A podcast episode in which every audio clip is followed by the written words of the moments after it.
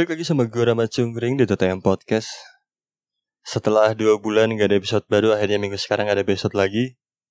Bertepatan dengan menyambut Hari Raya Idul Fitri Gue pengen ngebahas tentang Maaf selayaknya terima kasih. Tapi untuk episode kali ini Karena gue udah cukup lama menghilang ya Episodenya udah lama gak ada Kurang mencoba suasana baru ini orang agak-agak belibet karena udah terbiasa dengan kata orang bukan gua. Jadi sekarang mungkin ke depannya orang aja lah ya, karena orang juga orang Sunda kan.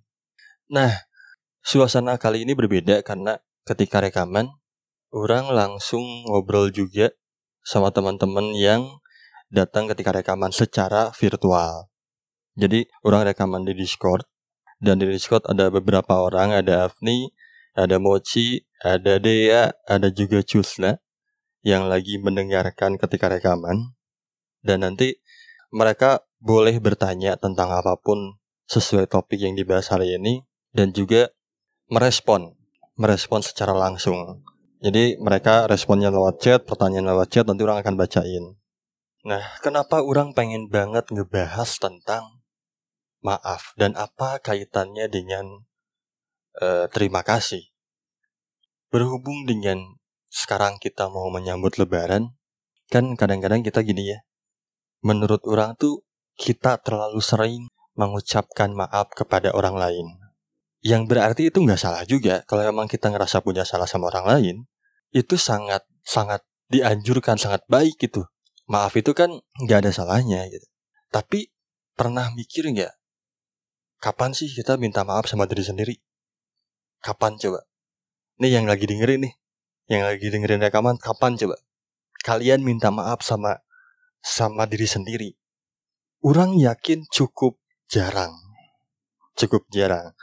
Ini Cusla ngejawab waktu kelelahan. Terus dari Dea lebih sering nyalahin diri sendiri. Dari Afni jarang banget. Konteks mengucapkan maaf ini yang gua bahas adalah bukan hanya dalam pengucapan, karena kan bisa aja ada orang yang langsung mengambil sikap gitu loh. Nggak harus diucapkan gitu konteksnya. Nggak harus bilang ke dalam diri sendiri ketika merenung, maaf ya, kemarin orang kayak gini, kayak gini, kayak gini gitu. Nggak harus kayak gitu. Tapi tanpa disadari pernah nggak gitu. Karena orang yakin jarang gitu. Orang yakin jarang. Dan kenapa orang episode kali ini ngebahas tentang maaf? Karena belakangan ini orang sering mengucapkan itu kepada diri sendiri. Nah ini dari Temoci ngejawab tadi di saat belajar mengontrol emosi saat akan memaafkan orang lain. Maaf ini tuh kayak kayak hal yang simple tapi cukup sulit untuk diucapkan gitu. Dilakuinnya tuh sulit. Memaafkan orang lain itu jauh lebih mudah dibanding memaafkan diri sendiri. Jadi balik lagi kenapa kurang pengen ngebahas tentang maaf ini gitu. Belakangan ini orang sering mengucapkan maaf. Sesimpel kayak hari ini. Hari ini orang rekaman tanggal 8 hari Sabtu. Tapi hari ini uh, orang terpaksa tidak puasa karena ini alasannya alasan konyol sih. Karena orang gak tahan dengan godaan istri. Orang tidak tahan dengan godaan istri. Jadi tidak perlu dijelaskan apa yang terjadi ya. Lo yang lagi dengerin pasti tahu lah apa yang terjadi gitu. Nah, ini adalah alasan kenapa orang minta maaf. Karena sepengetahuan orang, laki-laki itu tidak ada alasan apa pun untuk tidak berpuasa. Yang kurang tahu, tidak bisa digantikan fidyah. Kecuali ketika sakit. Jadi alasan apa pun itu nggak bisa dibayar dengan apa pun kecuali sakit. Makanya hari ini pun orang secara tidak langsung minta maaf sama diri orang sendiri. Minta maaf bahwa sorry ya orang tidak bisa menahan nafsu orang yang akhirnya orang hari ini tidak puasa gitu. Sesimpel itu. Mengucapkan maaf. Tapi masalahnya kita tuh jarang mengucapkan maaf sama diri sendiri konteksnya yang gue bahas tuh. Kata Jusa tapi daripada ganti-ganti, iya memang. sebetulnya kan kalau udah ngomongin ke ranah agama, yang tahu pahala diterima ataupun tidak kan itu hanya Tuhan gitu. Tapi ketika kita sudah tahu sesuatu, ya itu kan gak bisa dibantah gitu loh. Ketika memang sudah ada ayatnya dan lain-lain sudah dijelaskan, ya mau gak mau harus melakukan itu gitu. Itu loh poin orang gitu. Nah balik lagi ke uh, konteks maaf itu sendiri. Kenapa orang belakangan ini sering mengucapkan maaf? Ada sebuah kejadian sejak 2009, orang ini melakukan bisa dibilang melakukan kesalahan sama diri orang sendiri. Jadi, pada saat itu, orang ada dalam titik terendah yang mengakibatkan orang melakukan kesalahan sepanjang bisa dibilang 11 tahun kepada diri orang sendiri. Jadi, saat orang ada dalam titik terendah itu, ada dua hal sebetulnya yang membuat orang ada dalam titik terendah. Yang pertama, hal yang udah sering orang bahas, ketika orang baru benar-benar tahu kondisi orang tua seperti apa, baru benar-benar merasakan di rumah dalam keadaan orang tua sudah berpisah. Itu cukup membuat orang uh, sedikit tertekan gitu. Dan yang kedua adalah pada saat itu orang baru pindah ke Bandung. Karena sebelumnya orang tinggal sama nenek dan kakek orang di daerah Cipatat. Itu jalan yang mau ke daerah Cianjur kalau daripada Larang. Nah, di tahun 2009, orang pindah ke Bandung dan pada saat itu orang tidak punya teman. Pergaulannya cukup berbeda di Bandung dengan pergaulan orang sebelumnya. Yang orang lihat teman-teman orang tuh uh, setiap pulang sekolah nongkrong gitu ya, main sama teman-temannya sedangkan orang tidak bisa melakukan itu. Saat kelas 3 SMP, orang tuh hampir tidak punya teman. Karena orang tidak bisa mengikuti mereka gitu. Dan di tahun yang sama, di masa-masa itu, orang terjebak dalam sebuah kesalahan lainnya juga. Orang menjadi pemakai saat itu, tapi dalam proses orang sembuh, beberapa bulan sebelumnya, pacar orang meninggal. Dalam proses orang benar-benar mau sembuh. Karena saat itu orang udah direhab, tapi ketika orang ketemu sama mantan pacar orang, justru itu adalah hari terakhir orang ketemu sama dia. Dia meninggal karena kecelakaan barang orang saat itu. Dan itu yang membuat orang semakin ngerasa sendiri.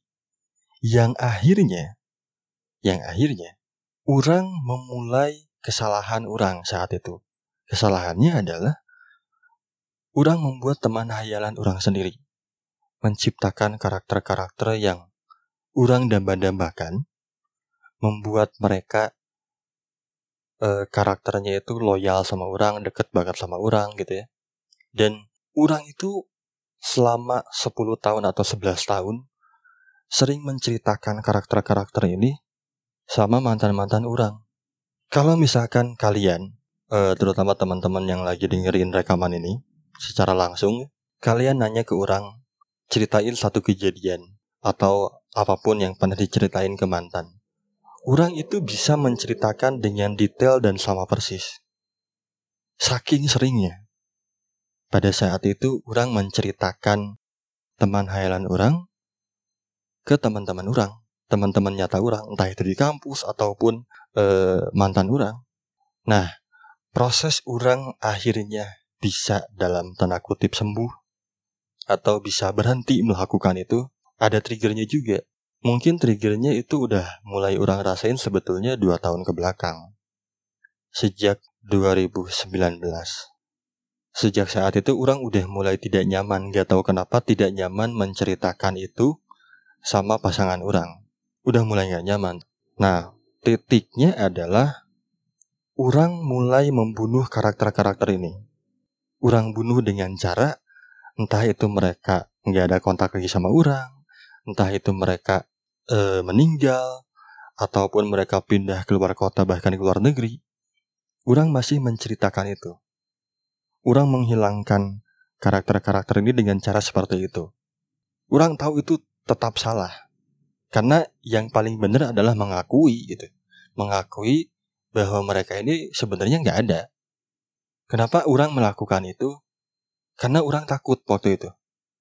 Orang takut bahwa pasangan orang akan bertanya pada suatu hari nanti gitu. kenapa orang-orang yang sendiri ceritain ini gak pernah ketemu. Nah itu alasannya. Karena ketakutan itu akhirnya orang mengakhiri semuanya. Tapi masih dengan cara yang salah. Masih dengan cara yang salah. Sampai akhirnya orang ketemu uh, sama teman orang yang ada di The Podcaster juga. Yaitu Cici Ega. Orang ngobrol sama Cici Ega. Orang collab juga sama Cici Ega. Terutama di episode tentang mengolah emosi. Ada kata-kata yang sangat menampar orang. Kata-katanya adalah kadang-kadang kita ngerasa udah berdamai dengan diri sendiri ataupun dengan masa lalu, padahal kita belum melakukan apa-apa. Itu cukup menampar, menampar banget. Semalaman orang kayak uh, apa ya, kayak flashback gitu ya, ngelihat apa aja yang udah orang lakuin, terutama di bagian teman hayalan. Terus orang berpikir, anjir, kayaknya orang harus mengakui ini semua deh. Kayaknya orang harus berhenti melakukan ini dengan cara mengakui itu semua gitu terutama sama pasangan orang yang sekarang udah jadi istri orang gitu karena dia pun pernah orang ceritain tapi saat itu orang tuh belum berani belum cukup berani untuk langsung menceritakan ke pasangan orang jadi yang orang lakuin adalah pada saat itu orang ngobrol lagi sama Cici Ega itu kayaknya lebih dari dua jam orang ngobrol sama Cici Ega di Discord orang tuh ketika menceritakan bagian itu tidak senyantai sekarang. Tiap kata per katanya tuh bikin orang gemeteran. Karena itu pertama kali orang membongkar aib orang yang orang pikir hanya orang dan Tuhan yang tahu. Ya ada lagi. Jadi orang pertama cerita itu ke Cici Ega. Mengakui itu semua dan berusaha untuk ya nih orang harus berubah. Orang harus berhenti melakukan ini. Setelah itu kedua kali ceritanya adalah orang cerita uh, di dalam grup Discordnya podcast Minggu Libur. Orang cerita di sana. Yang ketiganya, kemarin-kemarin orang cerita lagi sama orang yang sama yang ada dalam rekaman ini. Orang-orang yang lagi dengerin rekaman ini. Ada Apni, ada Mochi, ada Dea, ada uh, Cusna. Teman-teman di, di, di Indonesia. Dan orang udah jauh lebih tenang itu adalah alasan kenapa orang minta maaf sama diri orang sendiri. Karena pada akhirnya orang menyadari bahwa orang tuh salah selama 11 tahun. Orang tidak berdamai dengan diri orang sendiri. Orang tidak mengamini bahwa ya udahlah memang nggak ada teman sedekat itu gitu. Ya udah gitu, mau mau diapain lagi. Jadi itu adalah bentuk permintaan maaf atau pengucapan maaf kepada diri sendiri selayaknya selayaknya kita mengucapkan terima kasih sama diri sendiri. Kalau misalkan terima kasih kepada diri sendiri itu mungkin udah cukup umum ya.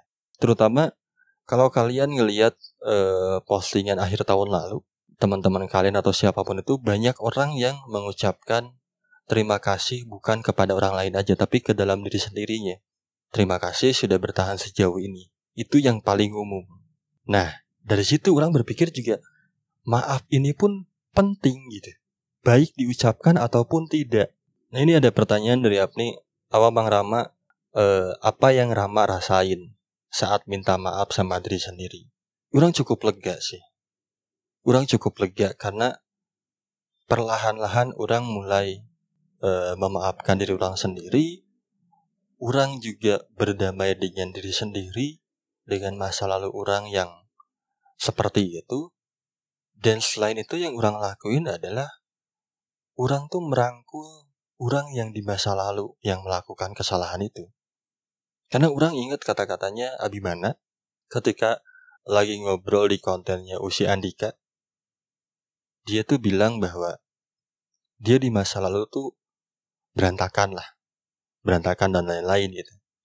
Intinya tidak seperti saat saat ini gitu. Nah tapi dia tuh nggak mau membuang diri dia atau ibaratnya melupakan masa-masa itu. Karena bagaimanapun juga orang hari ini karena ada orang yang di masa lalu. Orang terbentuk karena itu. Dan orang setuju dengan apa yang dikatakan Abimana bahwa kita yang di masa lalu seburuk apa pun, kita harus tetap ngerangkul, kita harus tetap ngerangkul itu gitu. jangan dibuang, jangan diasingkan karena kasihan. Orang tuh berpikir kasihan loh. Orang yang ada di masa lalu, di masa-masa itu. Kalau misalkan sekarang orang udah mengakui kesalahan itu tapi orang buang, orang berusaha melupakan itu. Orang ngerasanya ini orang kasihan. Di masa itu dia ngerasa nggak punya temen, terus sekarang ketika orang udah udah berdamai, orang tidak mengakui itu gitu. Orang tidak merangkul dia. Kasihan. Dan sebetulnya ada trigger yang paling besar menurut orang. Kalau misalkan orang bilang orang yang ada di masa lalu itu adalah alter orang yang secara tidak sengaja orang ciptakan, trigger orang mengaku ini semua adalah karena orang sekarang mau punya anak. Dan orang tidak mau anak orang tuh ketika sudah besar nanti dia tuh tidak mengenali sosok orang yang sebenarnya tuh kayak gimana. Atau bahkan dia mengenal orang sebagai orang yang ada di masa lalu. Orang gak mau. Tapi bukan berarti orang akan menutupi itu semua. Enggak juga. Orang akan membiarkan dia tahu. Tapi yang orang harapkan adalah yang keluar dari omongan dia, ya bapak orang tuh bapak orang yang sekarang yang seperti ini, bukan yang dulu bukan yang ada di masa-masa ketika dia ngerasa sendiri. Nah itu trigger yang paling besar menurut orang. Kenapa akhirnya orang mengakhiri itu semua, orang mengaku itu semua, dan orang menceritakan juga di sini karena orang percaya semakin orang sering bercerita, itu adalah bentuk dari perlahan-lahan kita berdamai dengan diri sendiri. Gitu loh. Jadi maaf ini menurut orang cukup penting. Jangan hanya ketika sekarang ya mau menyambut lebaran, jangan hanya meminta maaf kepada orang lain, memposting itu di media sosial, jangan cuma itu, tapi minta maaf kepada diri sendiri juga penting. Dalam konteks terlepas mau diucapkan ataupun tidak, kan kadang-kadang kita ngerenung ya, suka ngerenung, mikirin apa aja gitu. Terus ada masa kita ngelihat ke belakang apa yang kita lakuin. Nah itu menurut orang momen yang tepat ketika kita mau minta maaf sama diri kita sendiri. Nah mungkin uh, itulah yang pengen orang bahas di episode kali ini. Nah, mungkin buat uh, teman-teman yang lagi denger ini, denger reka proses rekaman, ada pertanyaan apa yang mungkin bisa orang jawab di sini. Dari dia, memaafkan diri sendiri yang benar-benar maaf itu Gimana? Kan ada maaf yang cuman ngomong doang. Iya memang. Orang sih berpikirnya gini ya. Ketika uh, orang sudah mengucapkan maaf itu kepada orang sendiri dan orang tidak melakukan itu lagi, yaitu adalah makna maaf. Sesimpel yang orang lakukan hari ini, entah besok, lusa, atau bahkan di tahun depan, orang gak akan melakukan itu lagi. Karena orang tahu konsekuensinya sebesar apa gitu ketika sengaja membatalkan puasa walaupun itu dalam konteks bercengkrama dengan istri gitu ya. Kita tahu bercengkrama dengan istri itu ibadah tapi ketika itu dilakukan saat puasa ya kan sama aja bohong itu batal puasanya. Dan sama aja ya orang membatalkan puasa secara sengaja gitu. Orang nggak tahu memang hitung-hitungannya seperti apa tapi yang orang pahami, yang orang tangkap dari apa yang orang dengar, ya laki-laki tuh nggak bisa gitu membayar vidya kecuali alasannya karena sakit parah gitu. Jadi kalau menurut orang memaafkan diri sendiri yang benar-benar maaf itu ya ketika kita sudah tidak melakukan itu. Itu buat orang ya, nggak tahu kalau untuk personal masing-masing seperti apa. Nah itu pertanyaan dari Dea. Yang lain mungkin ini dari Apni ya, pertanyaan dari Apni, menyadari sudah buat salah, baru minta maaf, atau saat apa uh, orang meminta maaf sama diri sendiri. Kalau setelah melakukan salah, terutama kepada diri sendiri, itu jelas ya. Secara tidak langsung, orang pribadi akan meminta maaf kepada orang sendiri. Tapi momen lainnya adalah ketika misalkan lagi merenung, lagi bengong aja gitu, bengong bego tiba-tiba kepikiran apa pun dan orang baru menyadari bahwa itu salah. Ya secara tidak langsung orang akan meminta maaf kepada orang sendiri bahwa oh ya sorry ya. Dulu orang seperti ini gitu. Orang berusaha akan lebih baik deh tidak akan melakukan ini lagi. Kenapa orang melakukan itu? Walaupun kesalahan itu tidak merugikan orang lain. Orang berpikir kesalahan apa pun atau apa pun yang kita lakukan minimalnya secara tidak sadar itu merugikan diri sendiri. Gitu kalau menurut orang. Nah ini pertanyaan dari Teh Mochi apa mungkin Mang Rama akhirnya berpikir untuk memaafkan diri sendiri karena ada kesalahan yang pernah dilakukan selain dari masa lalu Mang Rama? Mungkin aja sih. Mungkin. Sejauh ini sih orang ngelihat ke belakang sih. Jadi apa pun yang orang lakukan di belakang, di masa lalu orang, dan orang ngerasa bahwa itu setidaknya merugikan orang sendiri, orang akan minta maaf sesimpel ketika ketika 2009 itu orang kecelakaan sama mantan orang. Dan akhirnya dia harus berpulang. Orang pun minta maaf sama diri sendiri. Orang memang pada saat itu sempat menyalahkan orang sendiri. Sempat. Cukup lama bertahun-tahun menyalahkan diri orang sendiri. Tapi pada akhirnya orang minta maaf sama diri orang. Yang pertama minta maaf karena terlalu menyalahkan diri sendiri. Karena yang namanya kematian kita tuh nggak akan pernah tahu. Jadi orang minta maaf karena orang terlalu menyalahkan diri sendiri. Dan orang juga minta maaf karena mungkin pada saat kejadian orang terlalu ngebut, orang terlalu buru-buru. Kalau minta maaf sama almarhumah itu jelas secara tidak langsung jika orang minta maaf sama almarhumah gitu.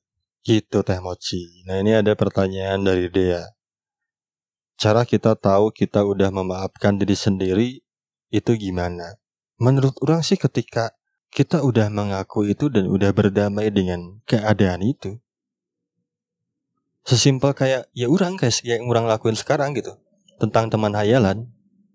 Orang memaafkan orang atas kesalahan itu. Orang berdamai dengan dengan orang pada masa itu. Bahwa ya udahlah gitu. Toh memang pada kenyataannya orang memang gak punya teman saat itu gak punya teman sedekat itu gitu. Jadi buat orang itu sudah memaafkan diri sendiri. Gak tahu kalau misalkan teman-teman yang lain bentuknya itu seperti apa. Tiap orang kan beda-beda. Ini ada pertanyaan lagi dari Mochi. Teh Mochi. Bagaimana Mang Rama bisa berdamai dengan apa yang telah menimpa Mang Rama di masa lalu sehingga akhirnya berpikir harus bisa memaafkan diri sendiri sebelum bisa meminta maaf ke orang lain. Untuk saat ini mungkin orang bisa menjelaskan karena trigger yang orang rasakan itu cukup besar ya. Orang mau berdamai dengan diri sendiri karena dalam waktu dekat ya orang bakal punya anak gitu. Dan kalau orang belum berdamai dengan apa pun yang udah ada di belakang, apa pun yang udah menimpa orang, orang ngerasa takut aja gitu. Takut orang mendidik anak orang dengan cara yang salah. Walaupun itu tidak menjamin ya, tidak menjamin gitu. Tapi setidaknya orang berpikir seperti itu gitu bahwa orang tuh mau punya anak, orang tuh harus mendidik dia dengan dengan cara yang tepat. Kalau misalkan orang masih masih ada embel-embel kesalahan-kesalahan dari orang sendiri yang belum orang maafkan ataupun orang belum berdamai dengan itu, orang takut aja. Orang melakukan hal yang sama kepada anak orang gitu. Yang namanya orang tua ketakutan terhadap mendidik anak tuh pasti ada gitu. Nah, salah satu caranya yang orang lakukan adalah orang harus berdamai dulu dengan diri orang sendiri, dengan apa yang terjadi di masa lalu. Apalagi yang orang alami adalah itu ada kaitannya banget dengan kondisi orang tua orang gitu. Setiap orang ketika membina rumah tangga, pasti niatnya pengen langgeng. Tapi kan kita nggak tahu ke depannya akan seperti apa. Tuhan tuh nggak ngasih tahu besok akan terjadi apa gitu loh. Kita nggak tahu Tuhan tuh merencanakan apa buat kita besok. Dan orang akan memilih ketika memang itu harus terjadi apa pun itu caranya ini anak harus tetap mendapatkan pendidikan yang sesuai dengan kapasitas dia. Jangan sampai apa yang orang alami di masa lalu dia juga mengalami hal yang sama karena orangnya belum berdamai dengan diri orang sendiri.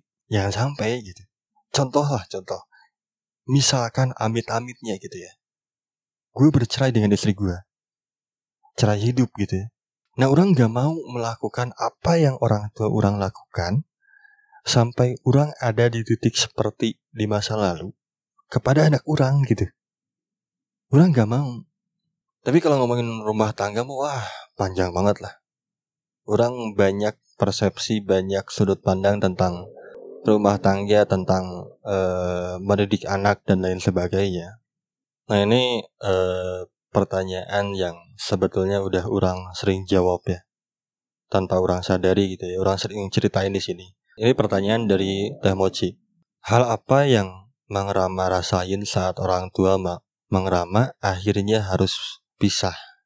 Yang namanya anak secara tidak langsung pasti kecewa. Walaupun pada saat itu orang kan tidak benar-benar tahu ya kondisi uh, di rumah itu seperti apa. Orang tuh hampir tidak ingat momen bersama kedua orang tua orang di masa kecil. Karena sejak umur 4 tahun, orang tinggal sama kakek dan nenek orang dari bapak orang gitu. Dari bokap orang. Jadi orang tidak tahu persis perbedaannya apa. Tapi yang orang rasain pada masa itu, orang merasa tertekan dengan semua sikap orang tua orang yang dikasih ke orang. Baik nyokap ataupun bokap gitu. Nyokap orang dengan segala keterbatasannya menjadi tulang punggung keluarga, emosionalnya saat itu nggak bisa dikontrol banget, yang akhirnya melampiaskan ke anak-anaknya. Sedangkan orang tidak terbiasa dengan hal itu. Sedangkan di sisi lain di bokap orang itu dia tuh tidak menghindar juga gitu. Karena kan pada saat itu ya, pada masa-masa itu nyokap orang tuh sangat menyalahkan bokap orang dan bokap orang itu terlihat sangat membela diri di depan orang. Jadi ini yang bener yang mana sih gitu? Omongan nyokap atau omongan bokap gitu. Nah orang tuh tertekan dengan hal itu. Tertekan karena apa dari Teh Mochi? Karena ter, tidak terbiasa dengan suasana di rumah seperti itu. Pada saat itu, pada masa-masa itu, nyokap orang tuh sangat emosional. Mungkin dia juga banyak masalah di kantornya gitu ya. Terus dia nggak ada tempat cerita yang akhirnya meluapkan kemarahannya, meluapkan emosinya secara tidak sadar kepada anak-anaknya. Sedangkan orang pada saat itu, itu kan tahun pertama orang yang orang ingat dan orang bisa merespon dalam bentuk apa pun, itu tahun pertama orang tinggal sama nyokap gitu. Jadi dalam ingatan orang ya hanya, hanya tahun itu gitu. Nggak ada ingatan lain gitu, nggak ada ingatan bagaimana nyokap orang mendidik orang, berkomunikasi dengan orang seperti apa. Itu tuh hampir tidak ada. Sedangkan yang ada di ingatan orang, ketika orang tinggal sama kakek dan nenek orang, itu jauh berbeda itu cara berkomunikasinya. Jauh berbeda. Dan itu yang membuat orang tertekan. Ada lagi? Kalau misalkan tidak ada akan gue selesaikan. Ya sudah uh, mungkin untuk episode kali ini uh, gue cukupkan sekian. Poinnya adalah yang pengen gue sampaikan di episode kali ini adalah tentang maaf. Jangan hanya minta maaf sama orang lain aja. Tapi minta maaf sama diri sendiri juga gitu atas apa pun yang yang kita lakuin. Karena mungkin menurut gue ya, itu akan cukup membantu dengan apa pun yang akan kalian lewati di masa yang akan datang. Jadi, jangan hanya berterima kasih, tapi minta maaf juga. Ya, minta maaf selayaknya terima kasih. Kalau misalkan kalian sering berterima kasih sama diri sendiri, ya kalian juga cobalah minta maaf sama diri sendiri. Siapa tahu itu bisa membantu. Mungkin itu aja dari gue. Terima kasih uh, udah mendengarkan episode sampai akhir. Dan thank you buat teman-teman yang sudah uh, hadir dalam proses rekaman. Walaupun secara virtual. Buat orang sih ini pertama kalinya ya. Proses rekaman TTM Podcast diketahui orang luar. Jadi thank you buat teman-teman yang udah uh, ngasih pertanyaan dan merespon episode kali ini. Thank you banget. Gue Rama Cungring pamit undur diri.